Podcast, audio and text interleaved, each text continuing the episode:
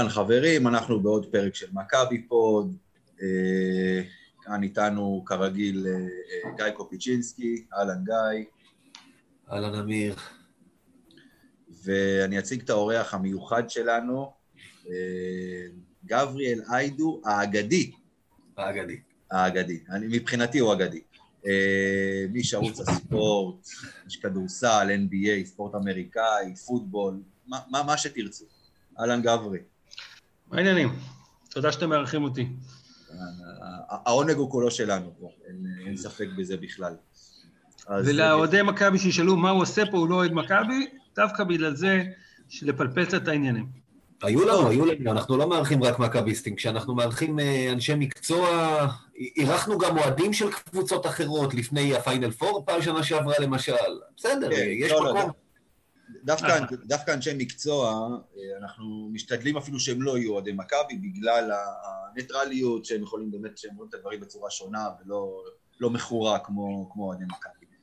נכון. אז אה, זה, זה, זה חשוב לנו. אז למי שלא מכיר אותך, אני לא חושב שיש הרבה כאלה, האמת, אה, מי שבעולם הספורט ורואה ספורט, אבל לא, ככה בקצרה עליך, מי אתה ומה אתה, לפרוטוקול, מה שנקרא. אוקיי, אני עובד בערוץ הספורט מ-2007, זה אומר שנה 14 בתחום, אה, כתב דסק חדשות, במאי כתבות, חלק שאני הכי אוהב זה לביים כתבות צבע, זאת אומרת לצאת לשטח ולצלם ולספר סיפור, לבחור את השוטים, לחפש את הנרטיב שמתאים לכל משחק. השנה לא צילמתי המון בחוץ בגלל הקורונה, אבל נגיד הייתי במשחק אה, מול אולימפיאקוס למשל, אז חיפה, אתה יודע, לראות משחק של מכבי תל אביב בהיכל ריק, זה אחרת לגמרי, זה אווירה אחרת. צילמתי את הגמר מול ראשון לציון, גם אירוע שהוא קצה, אתה יודע, מחלקים מהאליפות. ועדיין, לחוות את זה אחרת, ולחפש את הסיפור, לחפש את, הסיפור, את המשהו המיוחד לאותו רגע, זה משהו שאני מאוד אוהב. מעבר לזה, אה, כתבות צבע לדברי פול, לעשות תקצירים של מכבי תל אביב, זה אחד הדברים הכי קשים שיש לך במהדורה, צמוד למהדורה, המשחק מסתיים לפעמים חמש דקות לפני שהתקציר שלו עולה באוויר. נכון. להיות מאוד חד, לבחור סיפור של המשחק, מה להכניס, מה לא להכניס, איזה סל אתה כאוהד תרצה לראות בבית, ואם לא יהיה, תגיד, הלו, בכלל הסתכלת על המשחק? כאילו, איך פספסת את השלושה הזאת מהחצי, או את הדנק המטורף הזה, או את העבירת תוקף שלא הייתה? זה גם משהו מיוחד. מעבר לזה, כל מה שקשור לספורט, זה ממש לא רק כדורגל, כדורסל, יש כל כך המון דברים, זה פשוט ריאליטי הכי טוב שיש, ובלי קיץ', זאת אומרת, כש, כשיש לך רגע שיא כזה, אתה יודע, אתה פשוט נהנה ממנו. זהו, שכחתי שנייה, גיא, שכחתי לציין, אה, אוהד ליברפול בכדורגל, יש את הקטע המוכר והידוע, שבאמת, אתה יודע, אנחנו התכתבנו זה בוואטסאפ, אבל באמת, מבחינתי, אני לא סתם אומר את זה, זה, זה ההארדקור של אוהד, לא לחשוב על זה ולשמוח, למרות שהשמחה שלך הייתה מוקדמת באותה עונה. באותה עונה כן, זה נכון, זה, זה הרי לא הסתיים, כן. כן. אבל בסדר, יש פיצוי שנה שעברה סוף סוף, כן, נכון? כן, כן. האמת היא שאני מנסה לחשוב, 2007, אני עבדתי פעם בערוץ הספורט, אני מנסה לחשוב אם זה היה באותה תקופה או לא, אמנם היה באתר, אבל אה, יכול להיות שזה היה לפני, אני לא זוכר, לא חשוב. אה, אז, אז אנחנו נתחיל, נמשיך איתך, גברי. רגע, רק מילה, אם כבר הוא הזכיר את הכתבות צבע, הוא פשוט הרים לי להנחתה בעניין הזה, ש... ש, ש... אני לא אעשה פה הקטע מומחה, חשבתי להתחיל לשיר פה משהו. אה, גברי מתעסק הרבה גם עם מוזיקה, ואני ומוזיקה טובה. יש לו טעם שאני אישית מאוד מאוד אוהב. פעם דיברנו על איזה פוסט שהעלית על קריס קורנל בזמנו, שהיה האגדי. כן, קריס קורנל זה נקודה כואבת מאוד. כן. זמר שמאוד אהבתי, ועדיין אוהב, ראיתי אותו במלא הופעות. אה, סיימתי כמה כתבות. האמירה המוזיקאית שאתה יכול להוסיף בכתבת צבע, אה, היא באה בעיקר בשיר סיום. ולפעמים צריך לפגוע בול, למצוא את השיר שמתלבש לסיפור שלך, וסיימתי כתבות עם הרבה זמרים שאני אוהב, מוזיקאים שאני אוהב. סיימתי גם עם קריס קורנל לפחות שני שירים שונים שלו. אה, ניל יאנג הרבה... זה, זה הכיף, אתה מצליח להביא שיר שאתה אוהב, אתה לא מלביש אותו רק כי אתה אוהב אותו, אלא כי הוא באמת מתאים לכתבה, זאת אומרת, אתה לא אונס שיר גדול בשביל להכניס אותו לכתבה. קח רגע את המומחה, תחבר לי רגע את רדיוהד למכבי. אה, פו, אה, אני יכול, אתה יודע... עשית, לא, משהו שאתה עשית, הנה, כתבה שלך. משהו שאני עשיתי, אה, כן. אני יכול לדמיין את No Alarms and No Surprises, אני לא. יכול לדמיין את... אה, יש לי. לקי. נכון. אליפות, לא אליפות, דרבי רן זהבי שלושה מול הפועל תל אביב, משחק מטורף. זה קשור לכדורסל, כי אתה עשית את הכתבה על שני דרבים באותו ערב עם ידידנו נוי מרינה, שהיה כן. שם. וזה נכון, ערן זהבי בעצם לקח שם, לקח את הסיפור, ואתה גם הבנת את זה, מזה שיש שני דרבים, הוא פשוט השתלט על הסיפור במקרה הזה, ו... שמע, אני חייב להגיד לך, זה בחירה של שיר, אני, אם כבר אנחנו מדברים, זאת צמרמורת, אני רואה את זה, אתה יודע מה, פעם בחודש ככה שאני קצת מבואז, אני שם את הכתבה הזאת, אה, לראות את זה בסוף, את זהבי רץ עם הידיים פרוסות על רקע It's gonna be a glorious day, זה, זה מטורף. זה מטורף. אבל אה, כן. זהו, אז אני... ואני אחבר את זה להשבוע, הוא הביא לנו כתבה של דרבי כפול, שני ניצחונות על הפועל באותו ערב, יום חמישי הזה היה לי לילה טוב אירופה כפול כזה, וזה היה הרבה פחות כיף. כן, כן. טוב, שוב, מכבי בכדורגל השנה עשתה מעל ומעבר באירופה. נכון. בסדר, הפסידו לשכתר, לא בושה, זו קבוצה יותר טובה, עם תקציב יותר נכון. גדול. אני חושב שאוהדי מכבי תל אביב לא, לא, יכולים להיות מרוצים מזה. כדורסל, כדורסל. בואו נדבר קצת על קבוצת הכדורסל שלכם. בואו נדבר על כדורסל, כן. תראו. אה, בואו, אני, אני חושב שאנחנו נוותר עכשיו, אתה יודע מה, גיא, תגיד אתה, תספר אתה איך היה לך השבוע הזה. אז היה, האמת שהיה שבוע, כן, אני כבר את יום חמישי הזכרתי, מפח נפש מבאס מאין כמוהו, ושוב, בכדורגל לא היו ציפיות, ו- ו- ודווקא שם שיחקנו טוב, ויצאנו באמת תחושה שאם אולי עם שופט אחר, או קצת יותר, קצת פחות ישראליות, נאיביות ישראלית בספורט היה אחרת. מהכדורסל ציפיתי, אתה יודע, הימרתי על ניצחון, בהפרש הדרוש, כל המשחק היה נראה, נדבר עליו שזה הולך לכיוון הזה, ובסוף זה היה מפח נפש שאנחנו כבר התרגלנו השנה, אבל הוא סימל באמת אה, כנראה ירידת מסך. יום שישי היה איזשהו פיצוי נחמד, אני התחלתי לשדר, זה, דיברתי על זה שבוע שעבר, בתוכנית שנקראת יציאה א' של online TV, כמו שירים ושערים של ליגה א'. ושידרתי שם את מכבי תמרה נגד אה, כפר כנא, והאמת שזה לפעמים נחמד לבוא למקומות האלה. קודם כל, שמעתי את השידור אחר כך, זה נחמד להביא אקשן מליגה שאנשים לא מכירים, וגם ללכת למקומות האלה, לפעמים זה מין, אה, איך להגיד, זה אותנטי, זה, זה מין הכדורגל האמיתי של פעם. הכל הרבה יותר אמוציונלי, הכל הרבה יותר ביתי, יותר קהילתי, הכסף עוד לא השתלט שם על הכל. בכל זאת, היה נחמד. טוב, אז אני רוצה, בואו בוא, בוא, בוא נדבר כדורסל. בואו נדבר כדורסל, אה, בואו נדבר עכשיו על, אה, על מה שהיה ביום חמישי, על המשחק נגד ביירן מינכן. אמ, אני אתחיל איתך, גברי, בשאלה פשוטה, שיש עליה ויכוחים לא מעטים ברשתות, לנו, אה, לי ולגיא, יש קבוצת אוהדים בפייסבוק של קרוב לארבעת אלפים אוהדים, אה, שהולכת וצומחת, וכבר כמה ימים מאז המשחק ביום חמישי, הרבה מאוד פוסטים, הרבה מאוד תגובות, ששולחות, ששולחים ושולחות, בוא נגיד ככה, את יאניס הביתה. אני רוצה לשאול אותך, דרך עוד פעם, דרך סיכום על המשחק נגד ביירן, את דעתך לגבי הסיפור עם יאניס פרופולוס. הוא צריך להמשיך, או שצריך להגיד לו תודה ושלום? תראה, בוא אני, אני אתחיל משאלה. מה הדבר הכי טוב שהיה למכבי תל אביב שנה שעברה באירופה? לדעתי זה אותו יאניס.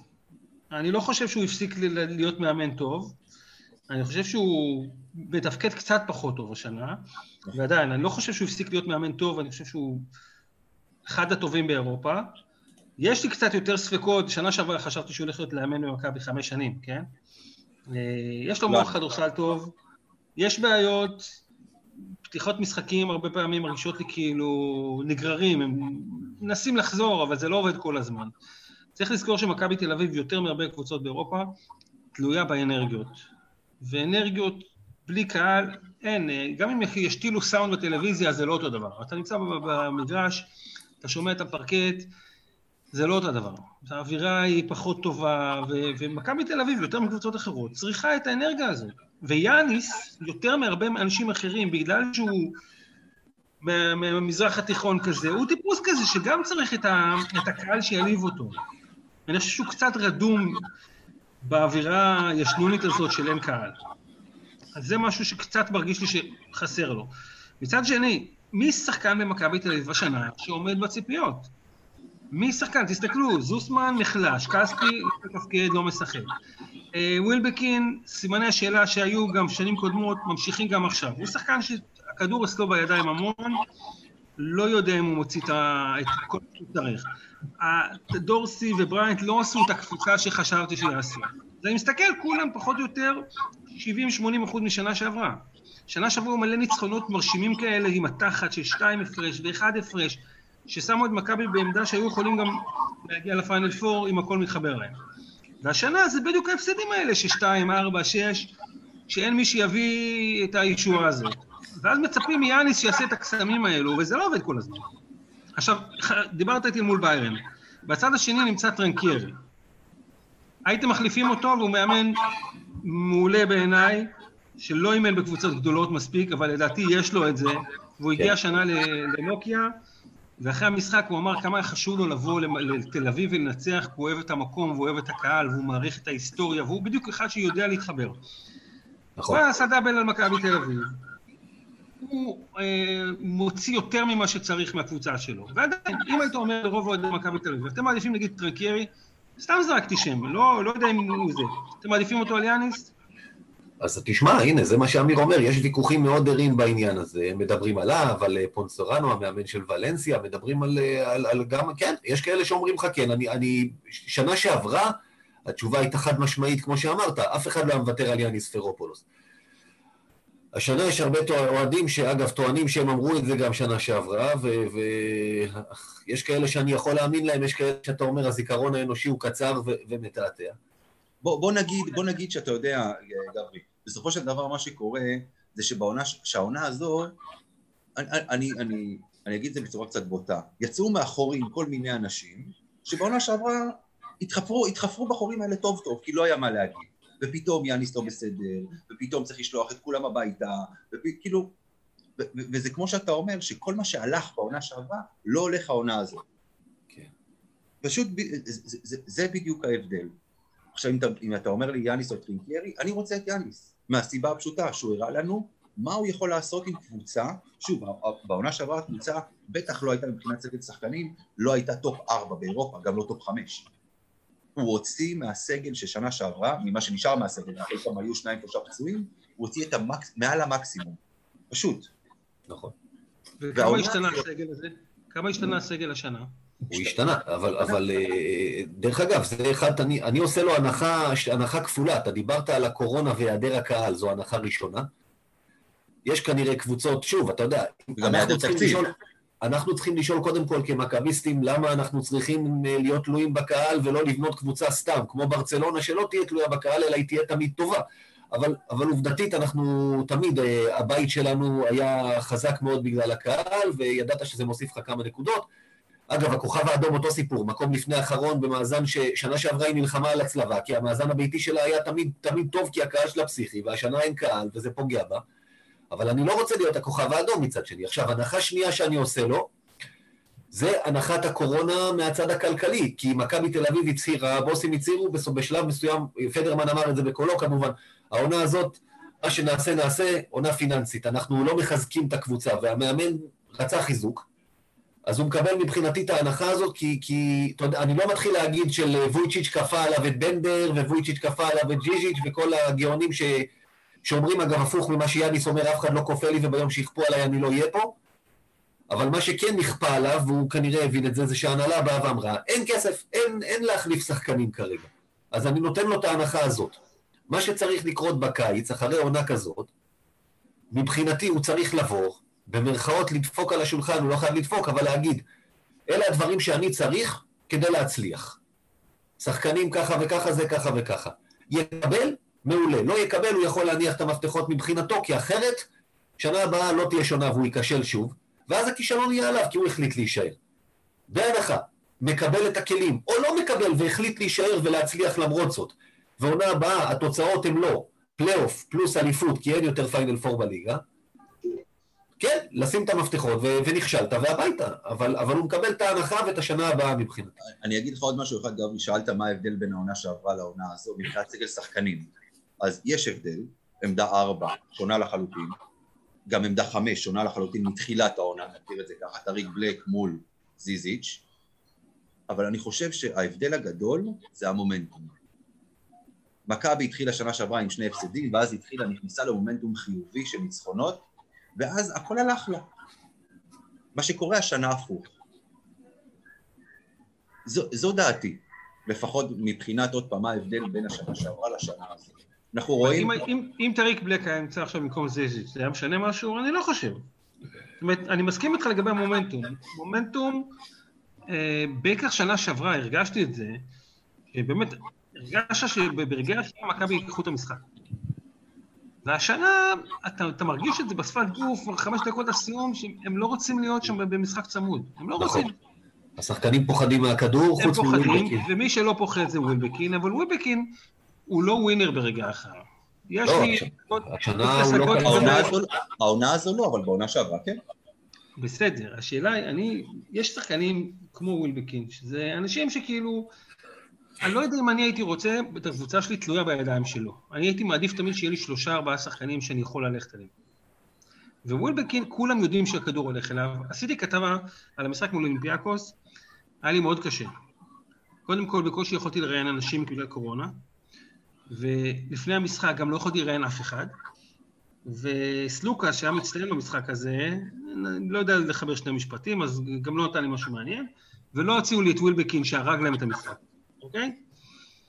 ולא ידעתי איך אני תוקף את הכתבה הזאת. ואז פתאום הלכתי לכ- לכיוון אחר, ואמרתי שהמשחק הזה מזכיר לי את הסרט לקום אתמול בבוקר, מה שנקרא Groundhog Day, על מישהו שקם כל יום בבוקר, כל הזמן קורא לו אותו דבר, כן. אז ככה הרגשתי לגבי ווילבקין, כל הזמן מחכים שהוא בסוף יושיע, והוא מפסיד משחקים כל הזמן. השאלה, השאלה, השאלה אבל בסופו של דבר אם זה אשמתו, כי זה נראה שכאילו אחרים בורחים מהכדור, ולמכבי יש שחקנים שיכולים ליצור את זה. אלייג'ה בריינט, תיתן לו את הכדור, ייקח את הזריקה, הוא לא מפחד.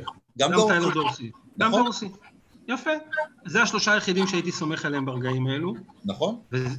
וזה שלושה שזה בסדר, זה בסדר, לא כל קבוצה יש לו שלושה שחקנים. נכון. אבל דורסי ובריינט אה, מקבלים קצת יותר, לא, לא שיפרו משמעותית את המספרים שלהם. אה, יצר מצב, אתה יודע, לפני שני משחקים, היה לווילבקין אפס נקודות, נכון? כן. היה לו אפס נקודות. אה, אה, נגד מילאנו הוא למצב עם כזה? החפישה הזאת על האצבע, גם קיבל פחות דקות, כן, אפס נקודות. אוקיי, ויש לו זרק משחקים... הרבה ש- פחות אגב. בסדר, אוקיי, אבל יש לו משחקים של 3 מ-12 מהשלוש. נכון. הבן אדם זורק שלשות בלי הכרה, הוא קולע 33 אחוז. הרבה כאילו- יותר מדי משחקים כאלה השנה, זה נכון. נו, אז אני אומר, כאילו, מי, מי עוד ייתן את זה שם? ואני פשוט, אני לא, אני מסתכל על הסגל, אמרתם לי, אולי נדבר על זה בהמשך לגבי העונה הבאה. יותר מדי שחקנים, אני לא חושב שמכבי צריכה אותם שנה הבאה. באמת, יותר מדי שחקנים. ואתה מגיע למצב שאתה צריך להחליף יותר מחצי קבוצה, אני לא נכנס לשיקולים הכלכליים. מבחינת. יכולות של שחקנים שאתה רוצה בקבוצה, מעט מדי שחקנים. תשמע, אתה נגעת רגע בווילבקין ובממוצע, באחוזים בזריקות, ואמיר, אתה נגעת בשנה שעברה, הוא קלע את הזריקות שהוא לא קולע, ההבדל הוא בזריקה. הנה, בדיוק שלחו לנו לא מזמן, היה שנה לניצחון ההוא, באמת, לא משחק טוב אגב, מול אולימפיאקוס עם נקודה הפרש. השלשה הזאת בסוף באה אחרי שאיזשהו חמור... כן, לא, איזה חמור באולימפיאקוס החליט שהוא עוזב את ווילבקין ועושה double team לדורסי והוא נתן לו את הכדור, שווילבקין מקבל רק catch and shoot והוא מיושר לסל, זה אחרת מאשר כדררת של 20 שניות וזריקה על הפנים של השחקן.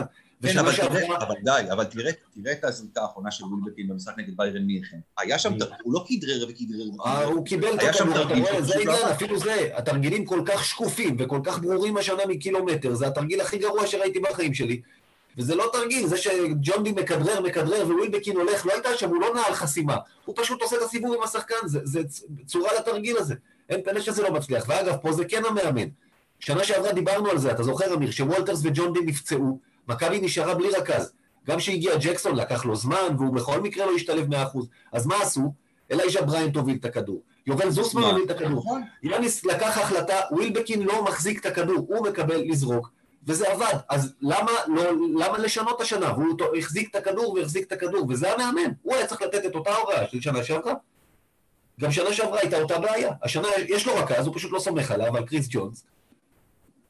אז אם זה ככה, ואתה משחק עם בריינט, זה אתה, זה, זה המאמן, הוא צריך לתת את ההוראה. סקוטי לא מחזיק את הכדור, סקוטי מסיים את ההתקפה, לא מתחיל אותה.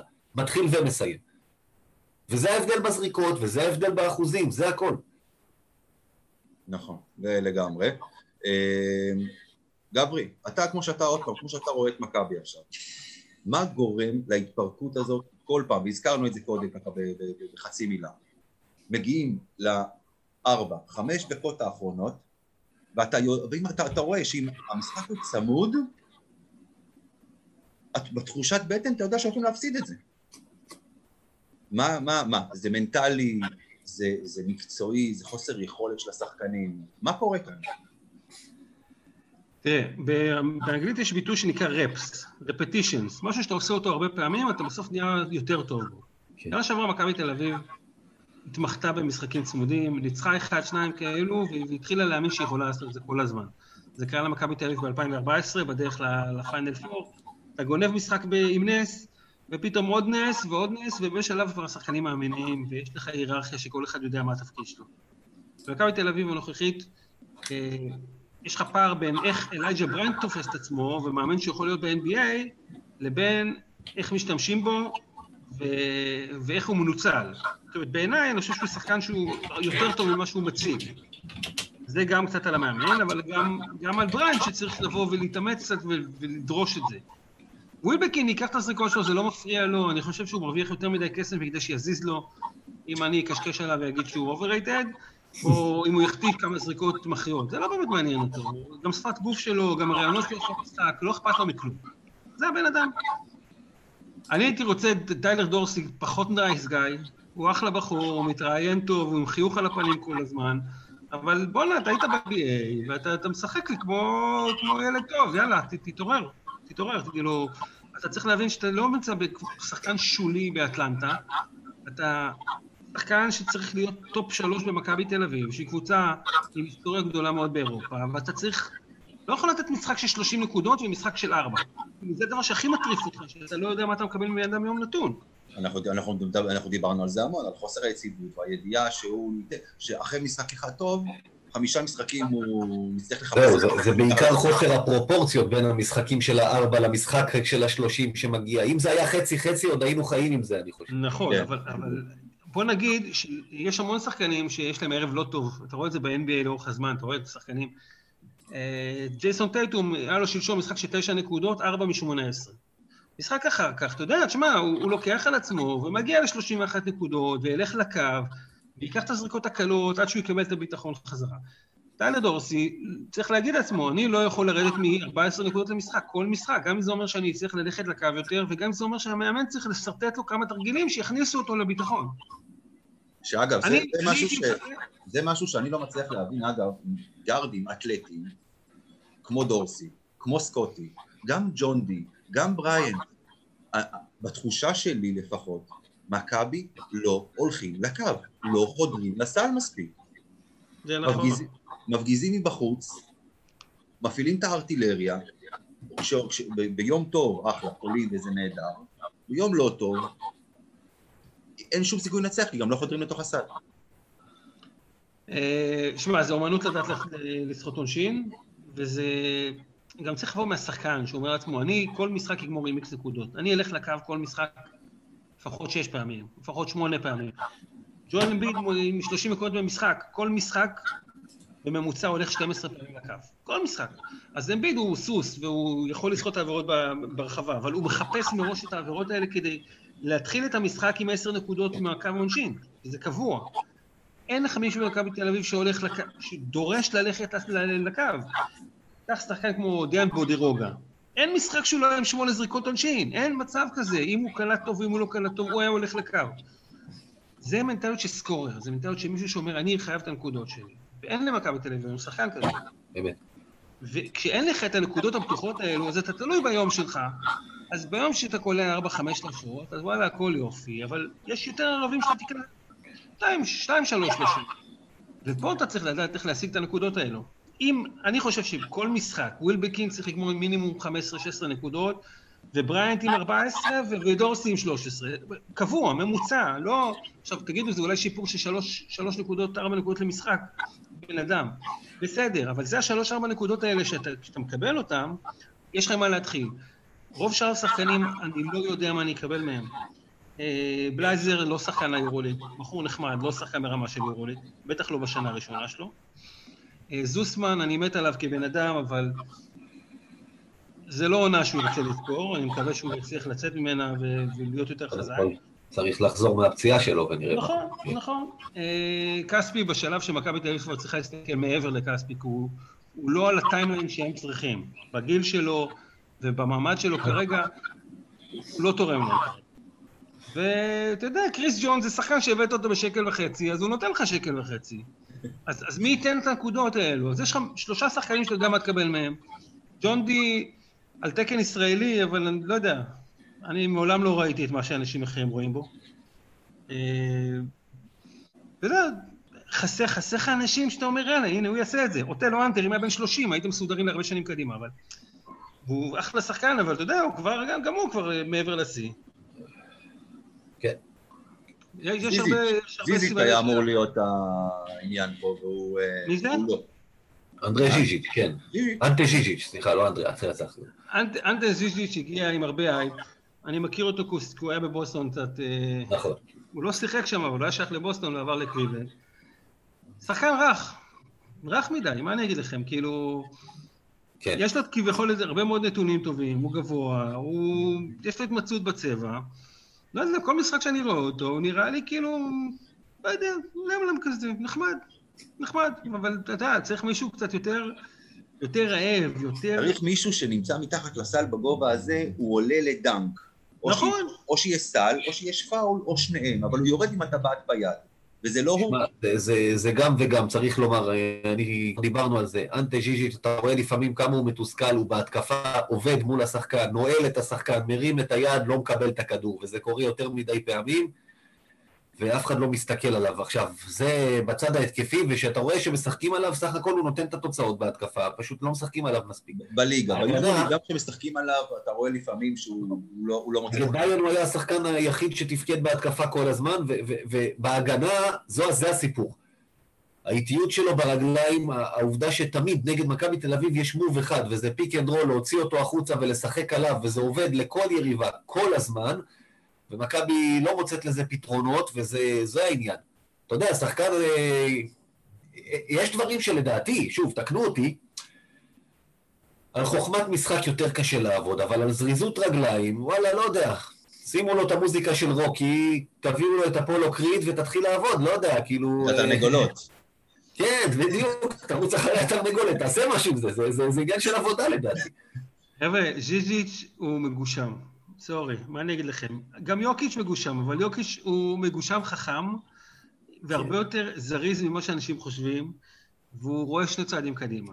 זיז'יץ' בהגנה הוא איום ונורא, איום ונורא, הוא מתבלבל ברגליים. עכשיו, ראיתי אותו השבוע מול אילת. בדיוק. אז ג'וש ניבו הצביע עליו איזה 700 דנקים. אוקיי? זה היה לא נעים לראות. לא רק זה, שוב, כמו שאמרתי, רגלן שיחק עליו את ה pick and roll, בסוף זה מה שהם עשו פעם אחרי פעם. זה היה התעללות בחסר ישע. נכון.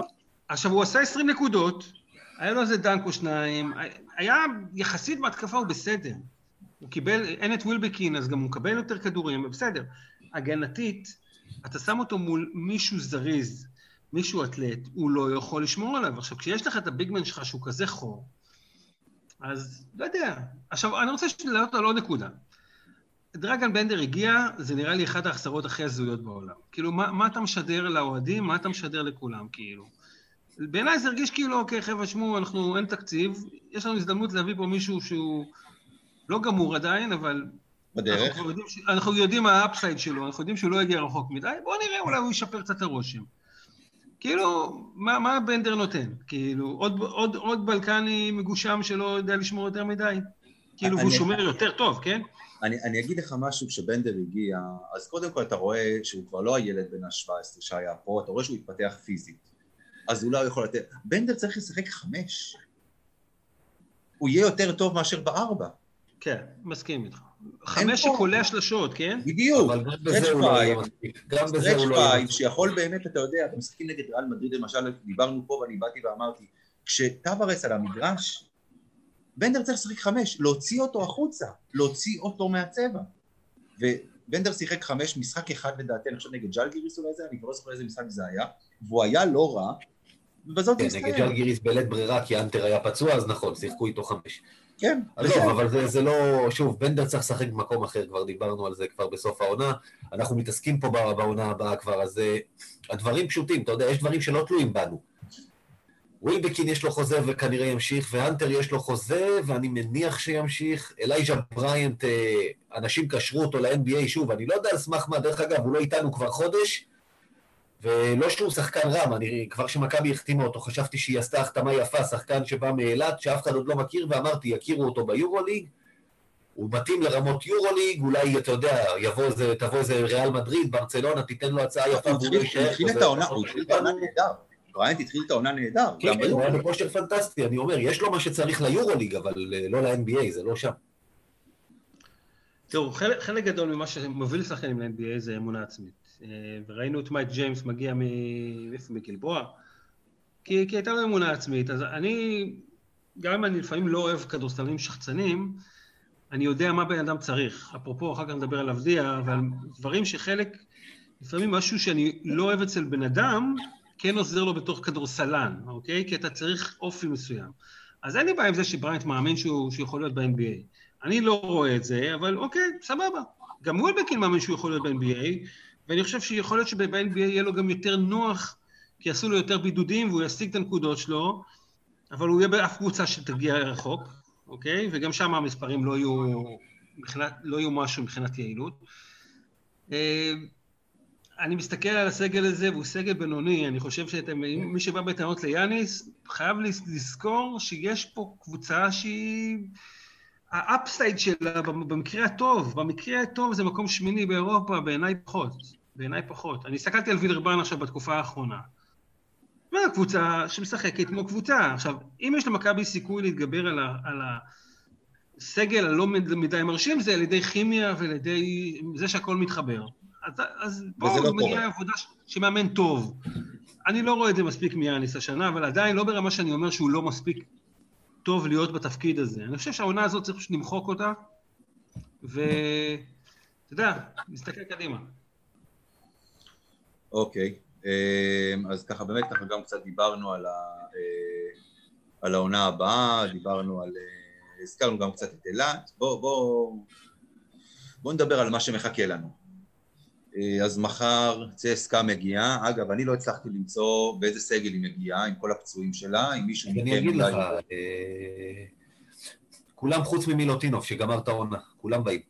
מייק ג'יימס, קלייבון. כן, במשחק האחרון הם שיחקו כולם, גם שנגלייה, גם מייק ג'יימס, גם קלייבורן, הם כולם שיחקו. דרך אגב, רואים שהם רק חזרו, שקלייבורן קלע שתי נקודות עכשיו נגד... מחר יהיה לו עשרים, הלאה בוא נפתח. ושנגליה שמונה, והם היו נראים רע. מחר יראו אותו. צריך לומר, צסקה הפסידה ארבעה מששת המשחקים האחרונים שלה, וגם עכשיו, הניצחון האחרון, אולימפיאקוס היא הובילה בפער דו-ספרתי באופן בטוח עד אמצע הרבע שלישי, ובסוף לקחה את זה בנקודה ככה עם, ה... עם השיניים והציפורניים, והיא גם לא נראית מי יודע מה, אבל אנחנו היינו מתחלפים איתה, היא 17-8 במקום שני, אתה יודע, בכל זאת, איכות הכל... אבל שוב, זה הפציעות, כמו שאמרת, היא שיחקה עם חצי סגל בתקופה הזאת. איך הם יראו מחר מאוד ישפיע על הסיכויים במשחק. כי אנחנו משחקים בעיקר בשביל הכבוד. אבל אני צריך לומר, חשוב לשחק בשביל זה. קודם כל, יש גם עניין של כסף על כל ניצחון, אבל יש גם עניין של מכבי תל אביב, איך היא נראית ואיפה היא תסיים. זה חשוב בכל זאת להיות תחרותיים. אני כבר לא מדבר על לעלות, כי אתה צריך לקחת תשעה מעשרה עכשיו בערך, שזה לא ריאלי בעליל. מה, זה לא ריאלי, גברי? לא, לא, לא, חבר'ה. לקבוצה שלא, חיברה שלושה ניצחונות רצופים זה לא ריאלי, אבל, כן, אתה יודע, לנסות לסיים כמה שיותר קרוב ל-50 אחוז, ולא להתרסק עכשיו לאיזה... אנחנו 10-14, לא להתרסק לאזור פתאום לסיים את העונה הזאת עם 12-13 ניצחונות ולסיים בתחתית. זה גם עניין שאתה יודע, לפעמים זה עניין של איך זה יסדר את השחקנים שיישארו לעונה הבאה, של איך זה באיזה אווירה אתה מתחיל. ראיתי כבר מקרים שמאמן התחיל עם חרב על הצוואר בגלל סיום לא טוב של עונה בגרבג' 2, בוא נגיד ככה. אז פה הייתי רוצה לשמוע את ההנהלה. אומרת, חבר'ה, תקשיבו, הסיכויים שלנו לעלות לא גבוהים. בואו ננצל את סוף, עד סוף העונה כדי, כדי לבדוק מה יש לנו פה באמת, בלי לחץ לקראת שנה הבאה. כי אחרת, יאניס משחק והוא מרגיש, אוקיי, יאללה, אני חייב פה לגמור עם מאזן כמה שיותר טוב, כדי שלא לסיים בטעם רע שירצו לפטר אותי. הוא כאילו משחק בשביל עכשיו, הוא לא משחק בשביל שנה הבאה. שלדעתי, חלק ממה שצריך לעשות כבר עכשיו, ולהגיד, אוקיי, חבר'ה, הסיכויים השנה קלושים, בואו נבדוק מה יש לנו, בואו נתנסה, בואו ננסה הרכבים שונים, בואו נבדוק מה יש לנו בידיים. חלק גדול מהשחקנים שאתה יודע שיישארו, בוא תבדוק מה הם יכולים לתת לך. מי מי שלא... יישאר? מי, מי יישאר? אתה יודע, דיבר, הזכרנו את זה קודם. סקוטי יישאר. אה, בריינט, אם הוא ירצה, הוא יישאר. אבל, אבל 80% מהסגל הזה לא יהיה כאן בעונה. אני לא יודע להגיד לך, זה תלוי שוב בקורונה, בתקציב, אתה תיקח את קלויארו שיש לו חוזה לעונה הבאה, ואני כבר איבדתי את דעתי שהוא לא שחקן לרמה הזאת, בגלל שיש לו חוזה, מאוד יכול להיות שהוא כן יישאר פה בעונה הבאה, וז'יז'יץ' אותו דבר, אתה יודע. ועוד יש דיבורים כאלה שגם מדברים על גם להשאיר את בנדר ואת קריס ג'ונס, אז אני באמת, אתה יודע, ההיגיון אומר ש-80% לא יהיו פה, אבל uh, האילוצים התקציביים יכולים להגיד לך דברים אחרים לגמרי. תראו, בצסקה יש את וויל קלייבורן שהתחיל פה בחולון, ומייק ג'יימס שהתחיל בגלבוע. איפה מערכת ה scouting של מכבי תל אביב, שתביא את השחקנים האלה כשהם לא מוכרים, ותפתח אותם כמה שנים קדימה? עכשיו, ברור שאם אחד כמו מייק ג'יימס יתפתח ונהיה ממש טוב, אתה לא יכול להשאיר אף שחקן בכוח, אבל אתה צריך לדעת לפגוע בשחקנים האלו, דברים ש- שבלאט היה פוגע לפעמים, ומביא איזה בן אודריך, או לא יודע, לא חייב להיות כוכב. אינגלס, לא יודע, שחקנים שמגיעים לאיזה שנה, שנתיים וממשיכים הלאה. אגב, דוגמאות פחות טובות, כי הם במכבי תל אביב לא הצליחו, ואז הצליחו במקום אחר. בסדר, אוקיי, וזה מעניין אותי כי אה, בעיקרון הייתי מתישהו רוצה לסגור קצת את הפינה הזאת עם אינגלס כדי להבין מה, למה לא עבד, אבל לא משנה, מבחינת כישרון, זה מישהו עם כישרון. במכבי תל אביב, אני אומר, חלק גדול מהשחקנים, אני לא רואה שום אפסייד, מה- לאן הם יכולים להגיע? בסגל אז- הנוכחי, השחקנים בסגל הנוכחי, כן, אני מסכים איתך. אני, אני יפה, מסכים. עכשיו, אני, אני, קל לי מאוד לתת עצות כשהכסף לא שלי, כן? ברור. אבל בואו נשים את זה בצד. חלק גדול מאוד מהשחקנים לא צריכים להיות בקבוצה, כי הם לא מספיק טובים. עכשיו, אתה לומד את זה דווקא בעונה שאין קהל, שאין מי שידרבן אותם, ואתה קולט מי בדיוק הבן אדם. למי יש את האופי ומי לא. קלויארו לא שחקן לרמת יורוליג. בעיניי, ג'ון די ברטולומיאו לא שחקן למכבי תל אביב ביורוליג, אולי בליגה, אני לא רואה אותו שחקן יורוליג. אה, קריס ג'ונס לא ברמות האלה, אוקיי? ואתם יודעים את זה. יש יותר מדי שחקנים שאתה אומר, רגע, מה, מה הם עושים פה, כאילו? דורסין לא הייתי מוותר עליו, הייתי מנסה להשאיר אותו, אני חושב שיש לו פוטנציאל. אני לא יודע אם הוא רוצה להישאר, אבל הייתי מנסה להשאיר אותו, כנ"ל עם בריין. אה, ז'יז'יץ', אני בודק עד סוף השנה מה יש לי בדבר הזה, מה יש לי, יש מה לעשות איתו או לא. אם לא, הוא ימצא קבוצה אחרת. גם אם יש לו חוזה, הוא ימצא קבוצה אחרת באירופה, הוא לא נמחק בגלל שנה אחת, אוקיי? אבל אם אתה מרגיש שאין לך מה לעשות איתו, הרי מכבי הרגישו, וואו, איך הבאנו את ז'יז'יץ', כולם רצו אותו. בסדר, אבל אולי הוא לא מתאים לכם, אולי קבוצה אחרת גם תיתקע איתו. זה יכול להיות, אוקיי, תשמע.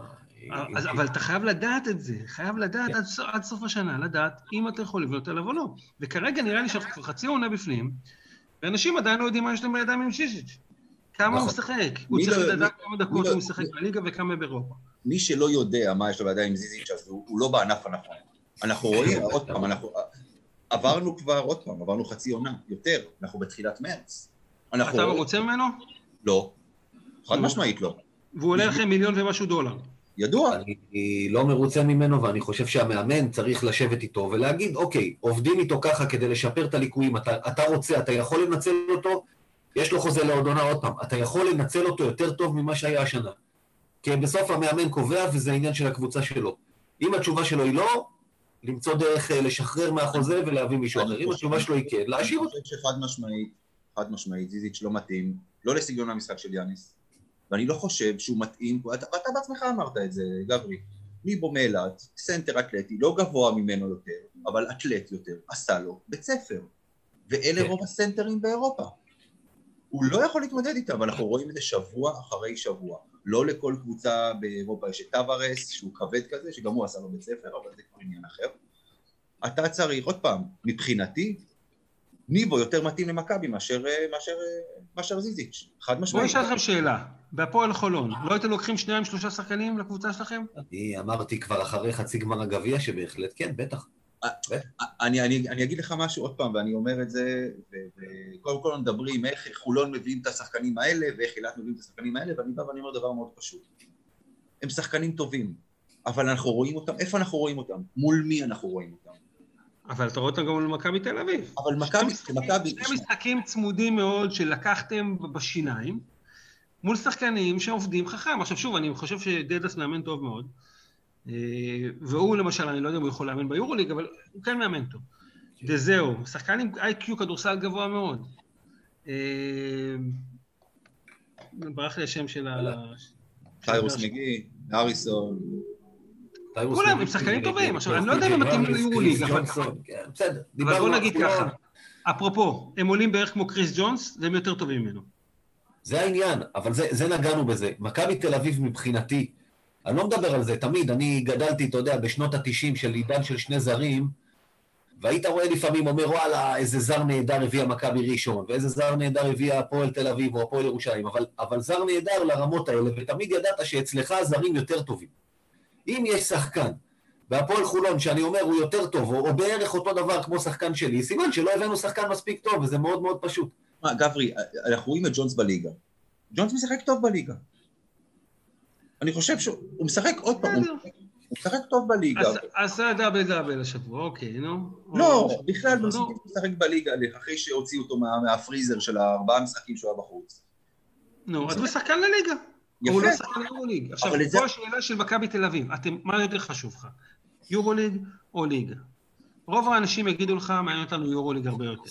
נכון. וזה צריך להיות השיקול שלך. השחקי, השחקנים שלך צריכים להתאים ליורוליג, ומי שיהיה טוב ליורוליג ישחק גם בליגה. אבל אם חלק גדול מהשחקנים מספיק טובים רק בשביל הליגה, אז זה אומר שהם לא מספיק טובים למכבי תל אביב. כן, זה נכון. אוקיי, אז בואו... בוא, רק, נעדכן, בשידור חי 3-1 עכשיו מכבי מבקיעה מול אשדוד, אני לא אעשה גבי ואני אפרוץ לו למסך שלו ויתחיל לשיר ולרקוד, אני נעשה כמו שהסיפור הזה. אה, טוב, אז בואו נדבר עכשיו באמת בדקה וחצי, לקראת השבוע הקרוב, מה שיש לנו, יש לנו צסקה מחר, אה, ולנסיה יום חמישי, כן. גם דרבי ביום ראשון, אבל זה פחות מעניין. אה, מה, מה, מה הולך לקרות לנו השבוע? שמע, קודם כל צסקה זה מצב אחר, כי זו קבוצה שבפנים חזק, אה, עם שחקנים שהתאוששו מפציעות, ובעיניי הפוטנציאל לנצח גדול יותר. ולנסיה, קבוצה שנלחמת על המקום שלה בהצלבה, היא בפיגור של שני משחקים לדעתי. אחרי הנדולו ופנרבכצ'ה שם, או משחק, שני משחקים, משחק אחד וחצי, ו- והיא בכושר, היא עם שלושה ניצחונות רצופים, והיא נלחמת על ההצלבה. אה, ומכבי כבר לא. בואו, אתה יודע, בשביל באמת, כבר דיברתי על זה, התחושה הטובה, ולא עכשיו להתחיל להתבזות, אני, אני אסתפק באחד משניים, ולדעתי המשחק של מחר, גם בגלל שאני אהיה שם ביציע ובחמישי לא, אה, יש סיכוי יותר גבוה לקחת אותו. למרות שזאת צסקה. האמת היא, אני יכול להבין אותך. אה, צסקה קבוצה יותר טובה, אבל משהו שם גם קצת מזייף. אה, אני חושב שגם מכבי מגיעה למשחק מחר עם תחושה כזו של הסיכוי האחרון שלנו. מגיעים אגב לקיר, מגיעים כאילו... מה זה? סכין בין השיניים. כן. אה, אם הם מנצחים את המשחק הזה, אז גם המשחק מול ולנסיה פתוח. אבל אני חושב שוולנסיה כרגע בכושר יותר טוב. כן. צסקה, לא יודע, קבוצה שהיא לא... היא לא גדולה מסך על הקר. לא, אני, נראה לי שיהיה משחק צמוד, שבדרך כלל זה לא טוב למכבי תל אביב, ואני חושב שהפעם הפעם יש לה סיכוי. אוקיי, בסדר. יהיה קצת קהל, אתה יודע, אולי. השאלה איזה קהל, כי מדברים שזה הספונסרים. אם, אם הקהל הקצת שיהיה גם יעודד וייתן לשחקנים קצת חשק, אז גם יש על מה לדבר, כן. אנחנו, אנחנו, אנחנו נראה את זה מחר ובחמישי. טוב, אנחנו עוברים עכשיו להימורים. אז uh, גברי, אני מתחיל איתך, כי אני יודע מה גיא יגיד, אני יודע מה תהיה התשובה שלו לשאלה הזאת. אז דיברנו, גברי, ככה, מחר צסקה, חמישי ולנסיה, ראשון, הפועל תל אביב.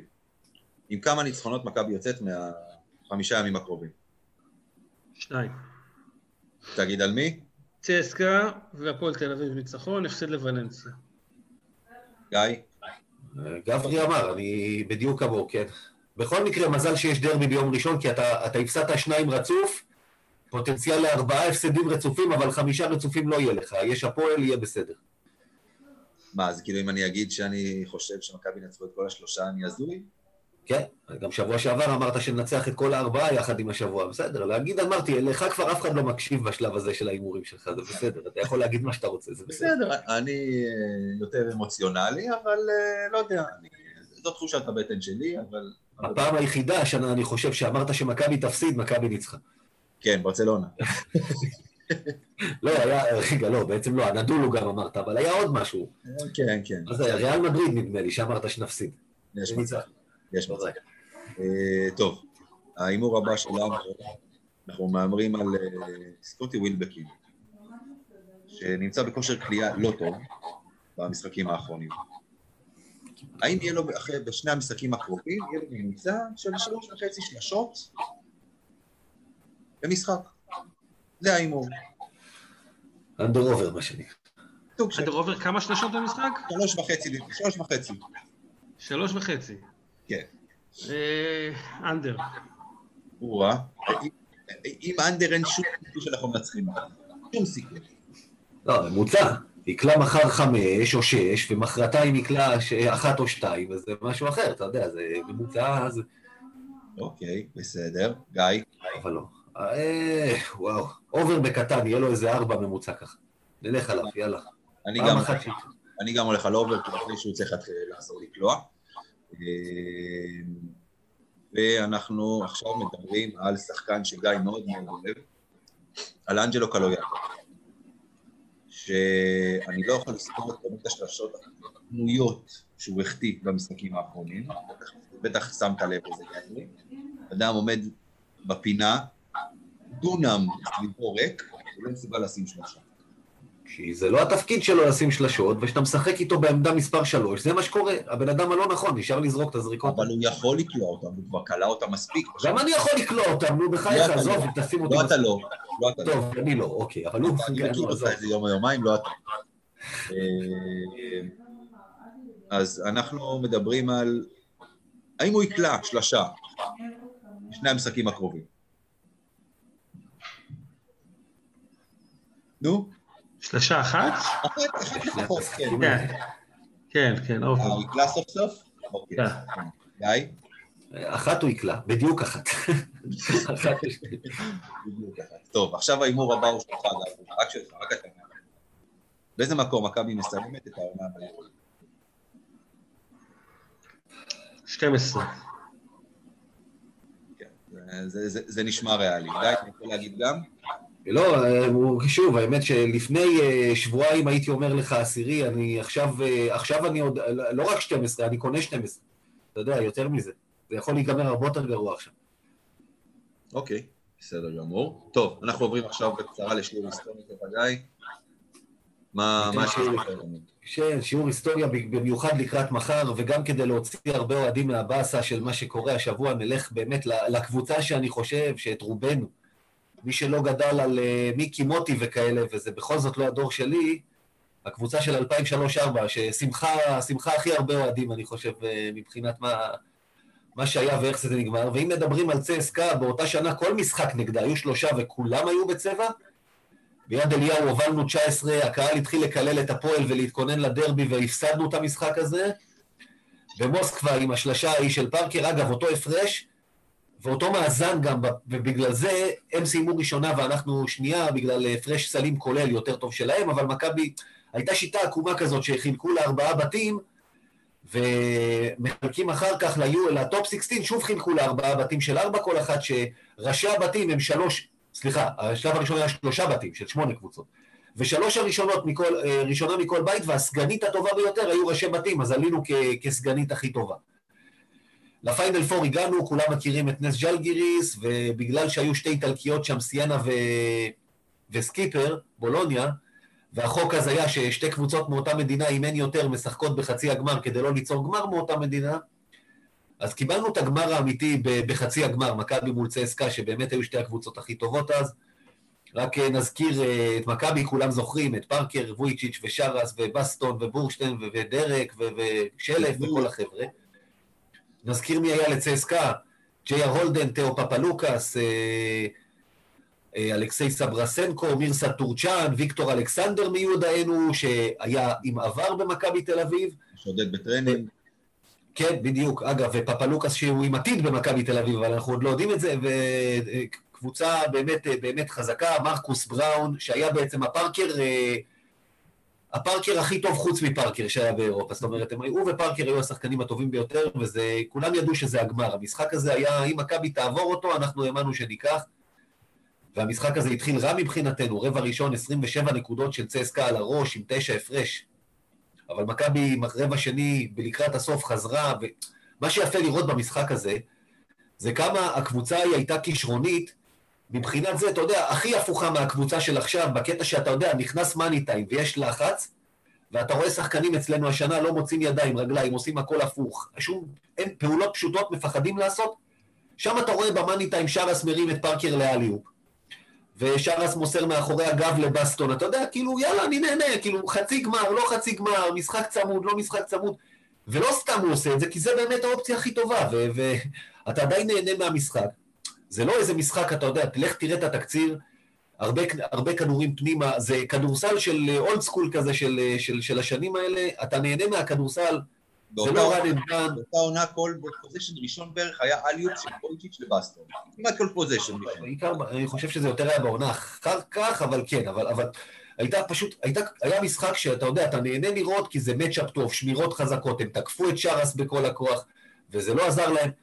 בסוף היו שם כמה מהלכים, שלשה של פארקר שהעלתה לשמונה, עוד שלשה של בורשטיין ל-12, מכבי לקחה את זה כמובן, 93-85, בדרך לגמר הבלתי נשכח. אוקיי. השבוע בחרו, בחרו את מכבי תל אביב הזאת כאחת הקבוצות הטובות בכל הזמנים של היורוליג, באתר יורוקס. תשמעו, זה, זה חילול הקודש לדבר עכשיו על הקבוצה הזאת לעומת מה שיש עכשיו, כן? ברור, זה, אגב. זה שמות אחרים, רמות כל כך אחרות של כדורסל. צריך באמת, זה רגע נדיר בהיסטוריה לפגוש כל כך המון כישרונות בקבוצה אחת, באותה שכל האגואים שלהם מתחברים גם. זה, זה קבוצה חד פעמית. אגב, זה, זה לא רק זה, זה שיעור של מבחינת בניית קבוצה, שיש שתי דרכים לבנות קבוצה. אתה יודע, תמיד אומרים רכז וסנטר זה העמוד שדרה, ותתחיל מהרכז, אבל מכבי תל אביב באותה שנה נבנתה קצת הפוך, היא החזירה את פיני ואת פארקר באותה מסיבת עיתונאים, וויצ'יץ' כבר היה, ורכז נשאר לסוף. אז מה למדנו? שאם כבר חסר לך לקבוצת חלומות כזאת את הרכז, אז אתה לא חוסך פה, אתה אומר, אני עכשיו צריך להדביק רכז לקבוצה, אז הם הביאו את הרכז הכי טוב שהסתובב באירופה, ושילמו לו סכום שאז היה סכום עתק של יותר ממיליון דולר, שאז מכבי לא היו משלמים דברים כאלה. אבל מכבי, גם לא מבין את שרס מהפאנל פוריה בתל אביב. לא, זה, בדיוק, אבל, אבל אתה אומר, תשמע, הם, הם בנו קבוצה בשביל הגביע, ידעו שהפיינל פור אצלם, אז אתה, אתה פה אומר, אני את הרכז הבאתי בסוף, אז אני אביא את הרכז הכי מוכח שיש, הם שמו עליו את כל השיטונים. ובסוף כמובן שזה ישתלם, זה, כמובן. ומה צחוק הגורל? שהם עלו, בנס ז'לגיריס, שרס יצא בחמש יצא בחמש, כן. ולמרות שהוא קבע שיא נקודות אי פעם לדעתי, וביורוליג... 37, משהו כזה הוא קלע. אז יפה, הוא לא היה פקטור במשחק בסוף. מי שניצח בסוף זה שרפ ושלף, אתה יודע. זו קבוצה של גורל, אין מה לעשות. בכלל, אתה יודע, יש... פעם היו קליפים כאלה באינטרנט ביוטיוב על סלי הניצחון מאותה עונה. אז היה את הסיפור עם, צסקה, והיה את הסיפור עם, עם קליפר, בשלב, הבתים, ההפתעה של בורשטיין אה, מהקו, זו הייתה עונה, העונה הזאת הייתה עונה הזויה לחלוטין, מהבחינה הזו. זה הכל התחבר להם מהרגע הראשון. אה, טוב, אז אנחנו, לפני שאנחנו מסיימים, אנחנו נדבר איתך, אגב, ממש בקצרה, אה, אה, על סיפורו של אה, דני אבדיה בוושינגטון. מה קורה שם? מה כל הדיבורים ביום האחרון? מה הסטרטגיה? תראה, אני חושב שהוא נמצא במקום הלא נכון. ראינו את זה כבר בשלב מוקדם יותר בעונה. הוא נכנס ישר לחמישייה, אני חשבתי שזה קצת מוקדם מדי, כי כשמורידים אותך מהחמישייה זה קצת פחות נוח מאשר להפך. נוצרה סיטואציה שאחרי שהקבוצה פתאום התחילה להצליח, אה, והיא מצליחה בלי דני. היא מצליחה כי היא לא מחכה לדני, ומבחינת המאמן שלה, הוא לא, הוא לא על ה timeline של, של דני אבדיה rookie. הוא ב timeline שלו בסוף השנה נגמר לו החוזה. ויש ציפיות ממנו, ויש ציפיות מה general manager, אחרי שנים של כישלונות. בואו נגיע לפלייאוף. עכשיו, הם רחוקים שני משחקים מפלייאוף, כאילו, אחרי פתיחת עונה זוועתית. נתנו לדני את ההזדמנויות, דני עושה קצת טעויות, שכר לימוד לגיטימי של רוקי. הוא עושה מלא דברים מדהים, אבל דבר אחד שחסר לו זה קצת להיות יותר ארס, להיות יותר מניאק, ולקחת יותר על עצמו, ובלי לדפוק חשבון לברדלי ביל ולראסל ווז, כי, כי בסוף אתה נמצא שם על הקו. ואם הוא נכנס נקלע בעיות אחרות, או שהוא לא זורק מספיק, אתה מאמן בסופו של דבר הוא מחפש את ההרכב שינצח לו משחקים. עכשיו, אם פתאום הכל מתחבר והקבוצה מנצחת, אז למה הוא צריך לשנות משהו? אז דני נמצא בתקופה כזאת, שכאילו הקבוצה מצליחה, לבחור, והוא באמת שמח בשביל כולם, אז הוא לא מנסה לקפוץ את עצמו למשחק, אבל הוא גם נהיה חלק שולי ברוטציה. הוא שחקן שהתחיל בתור שחקן חמישי, הוא היום שחקן שמיני, עשירי, ויש לו משחקים שהוא לא רלוונטי בכלל למשחק. כאילו, אם אתה מחפש בתקציר מעשים, אתה שם עבירות שלו. כי אין נקודות ואין זריקות. זה עצוב מאוד לראות את זה, ועדיין לא הייתי סוגר פה את הסיפור, אני חושב שיש לו הרבה אופי, הוא ייקח מזה לא מעט דברים שוב. אבל כן, יש לו, יש לו שכר לימוד. בעיקר מבחינת האופי, איך לדעת לקחת יותר על עצמו. יפה. אז למי שטעה, ההסבר הוא לא המאמן אנטישמי, יש הסבר מקצועי. הנה, קיבלתם. מאמן לא מספיק טוב בעיניי, ואני לא יודע אם הוא יאמן עוד הרבה שנים בליגה, אבל הוא עושה את שלו, אין מה לעשות. ברור, כן. העונה שם עוד ארוכה, אנחנו מקווים שהמצב שלו תשתפר. אה, טוב, אז אנחנו כאן מסיימים את הפרק הזה. אז אה, גבריאל איידן, המון המון תודה.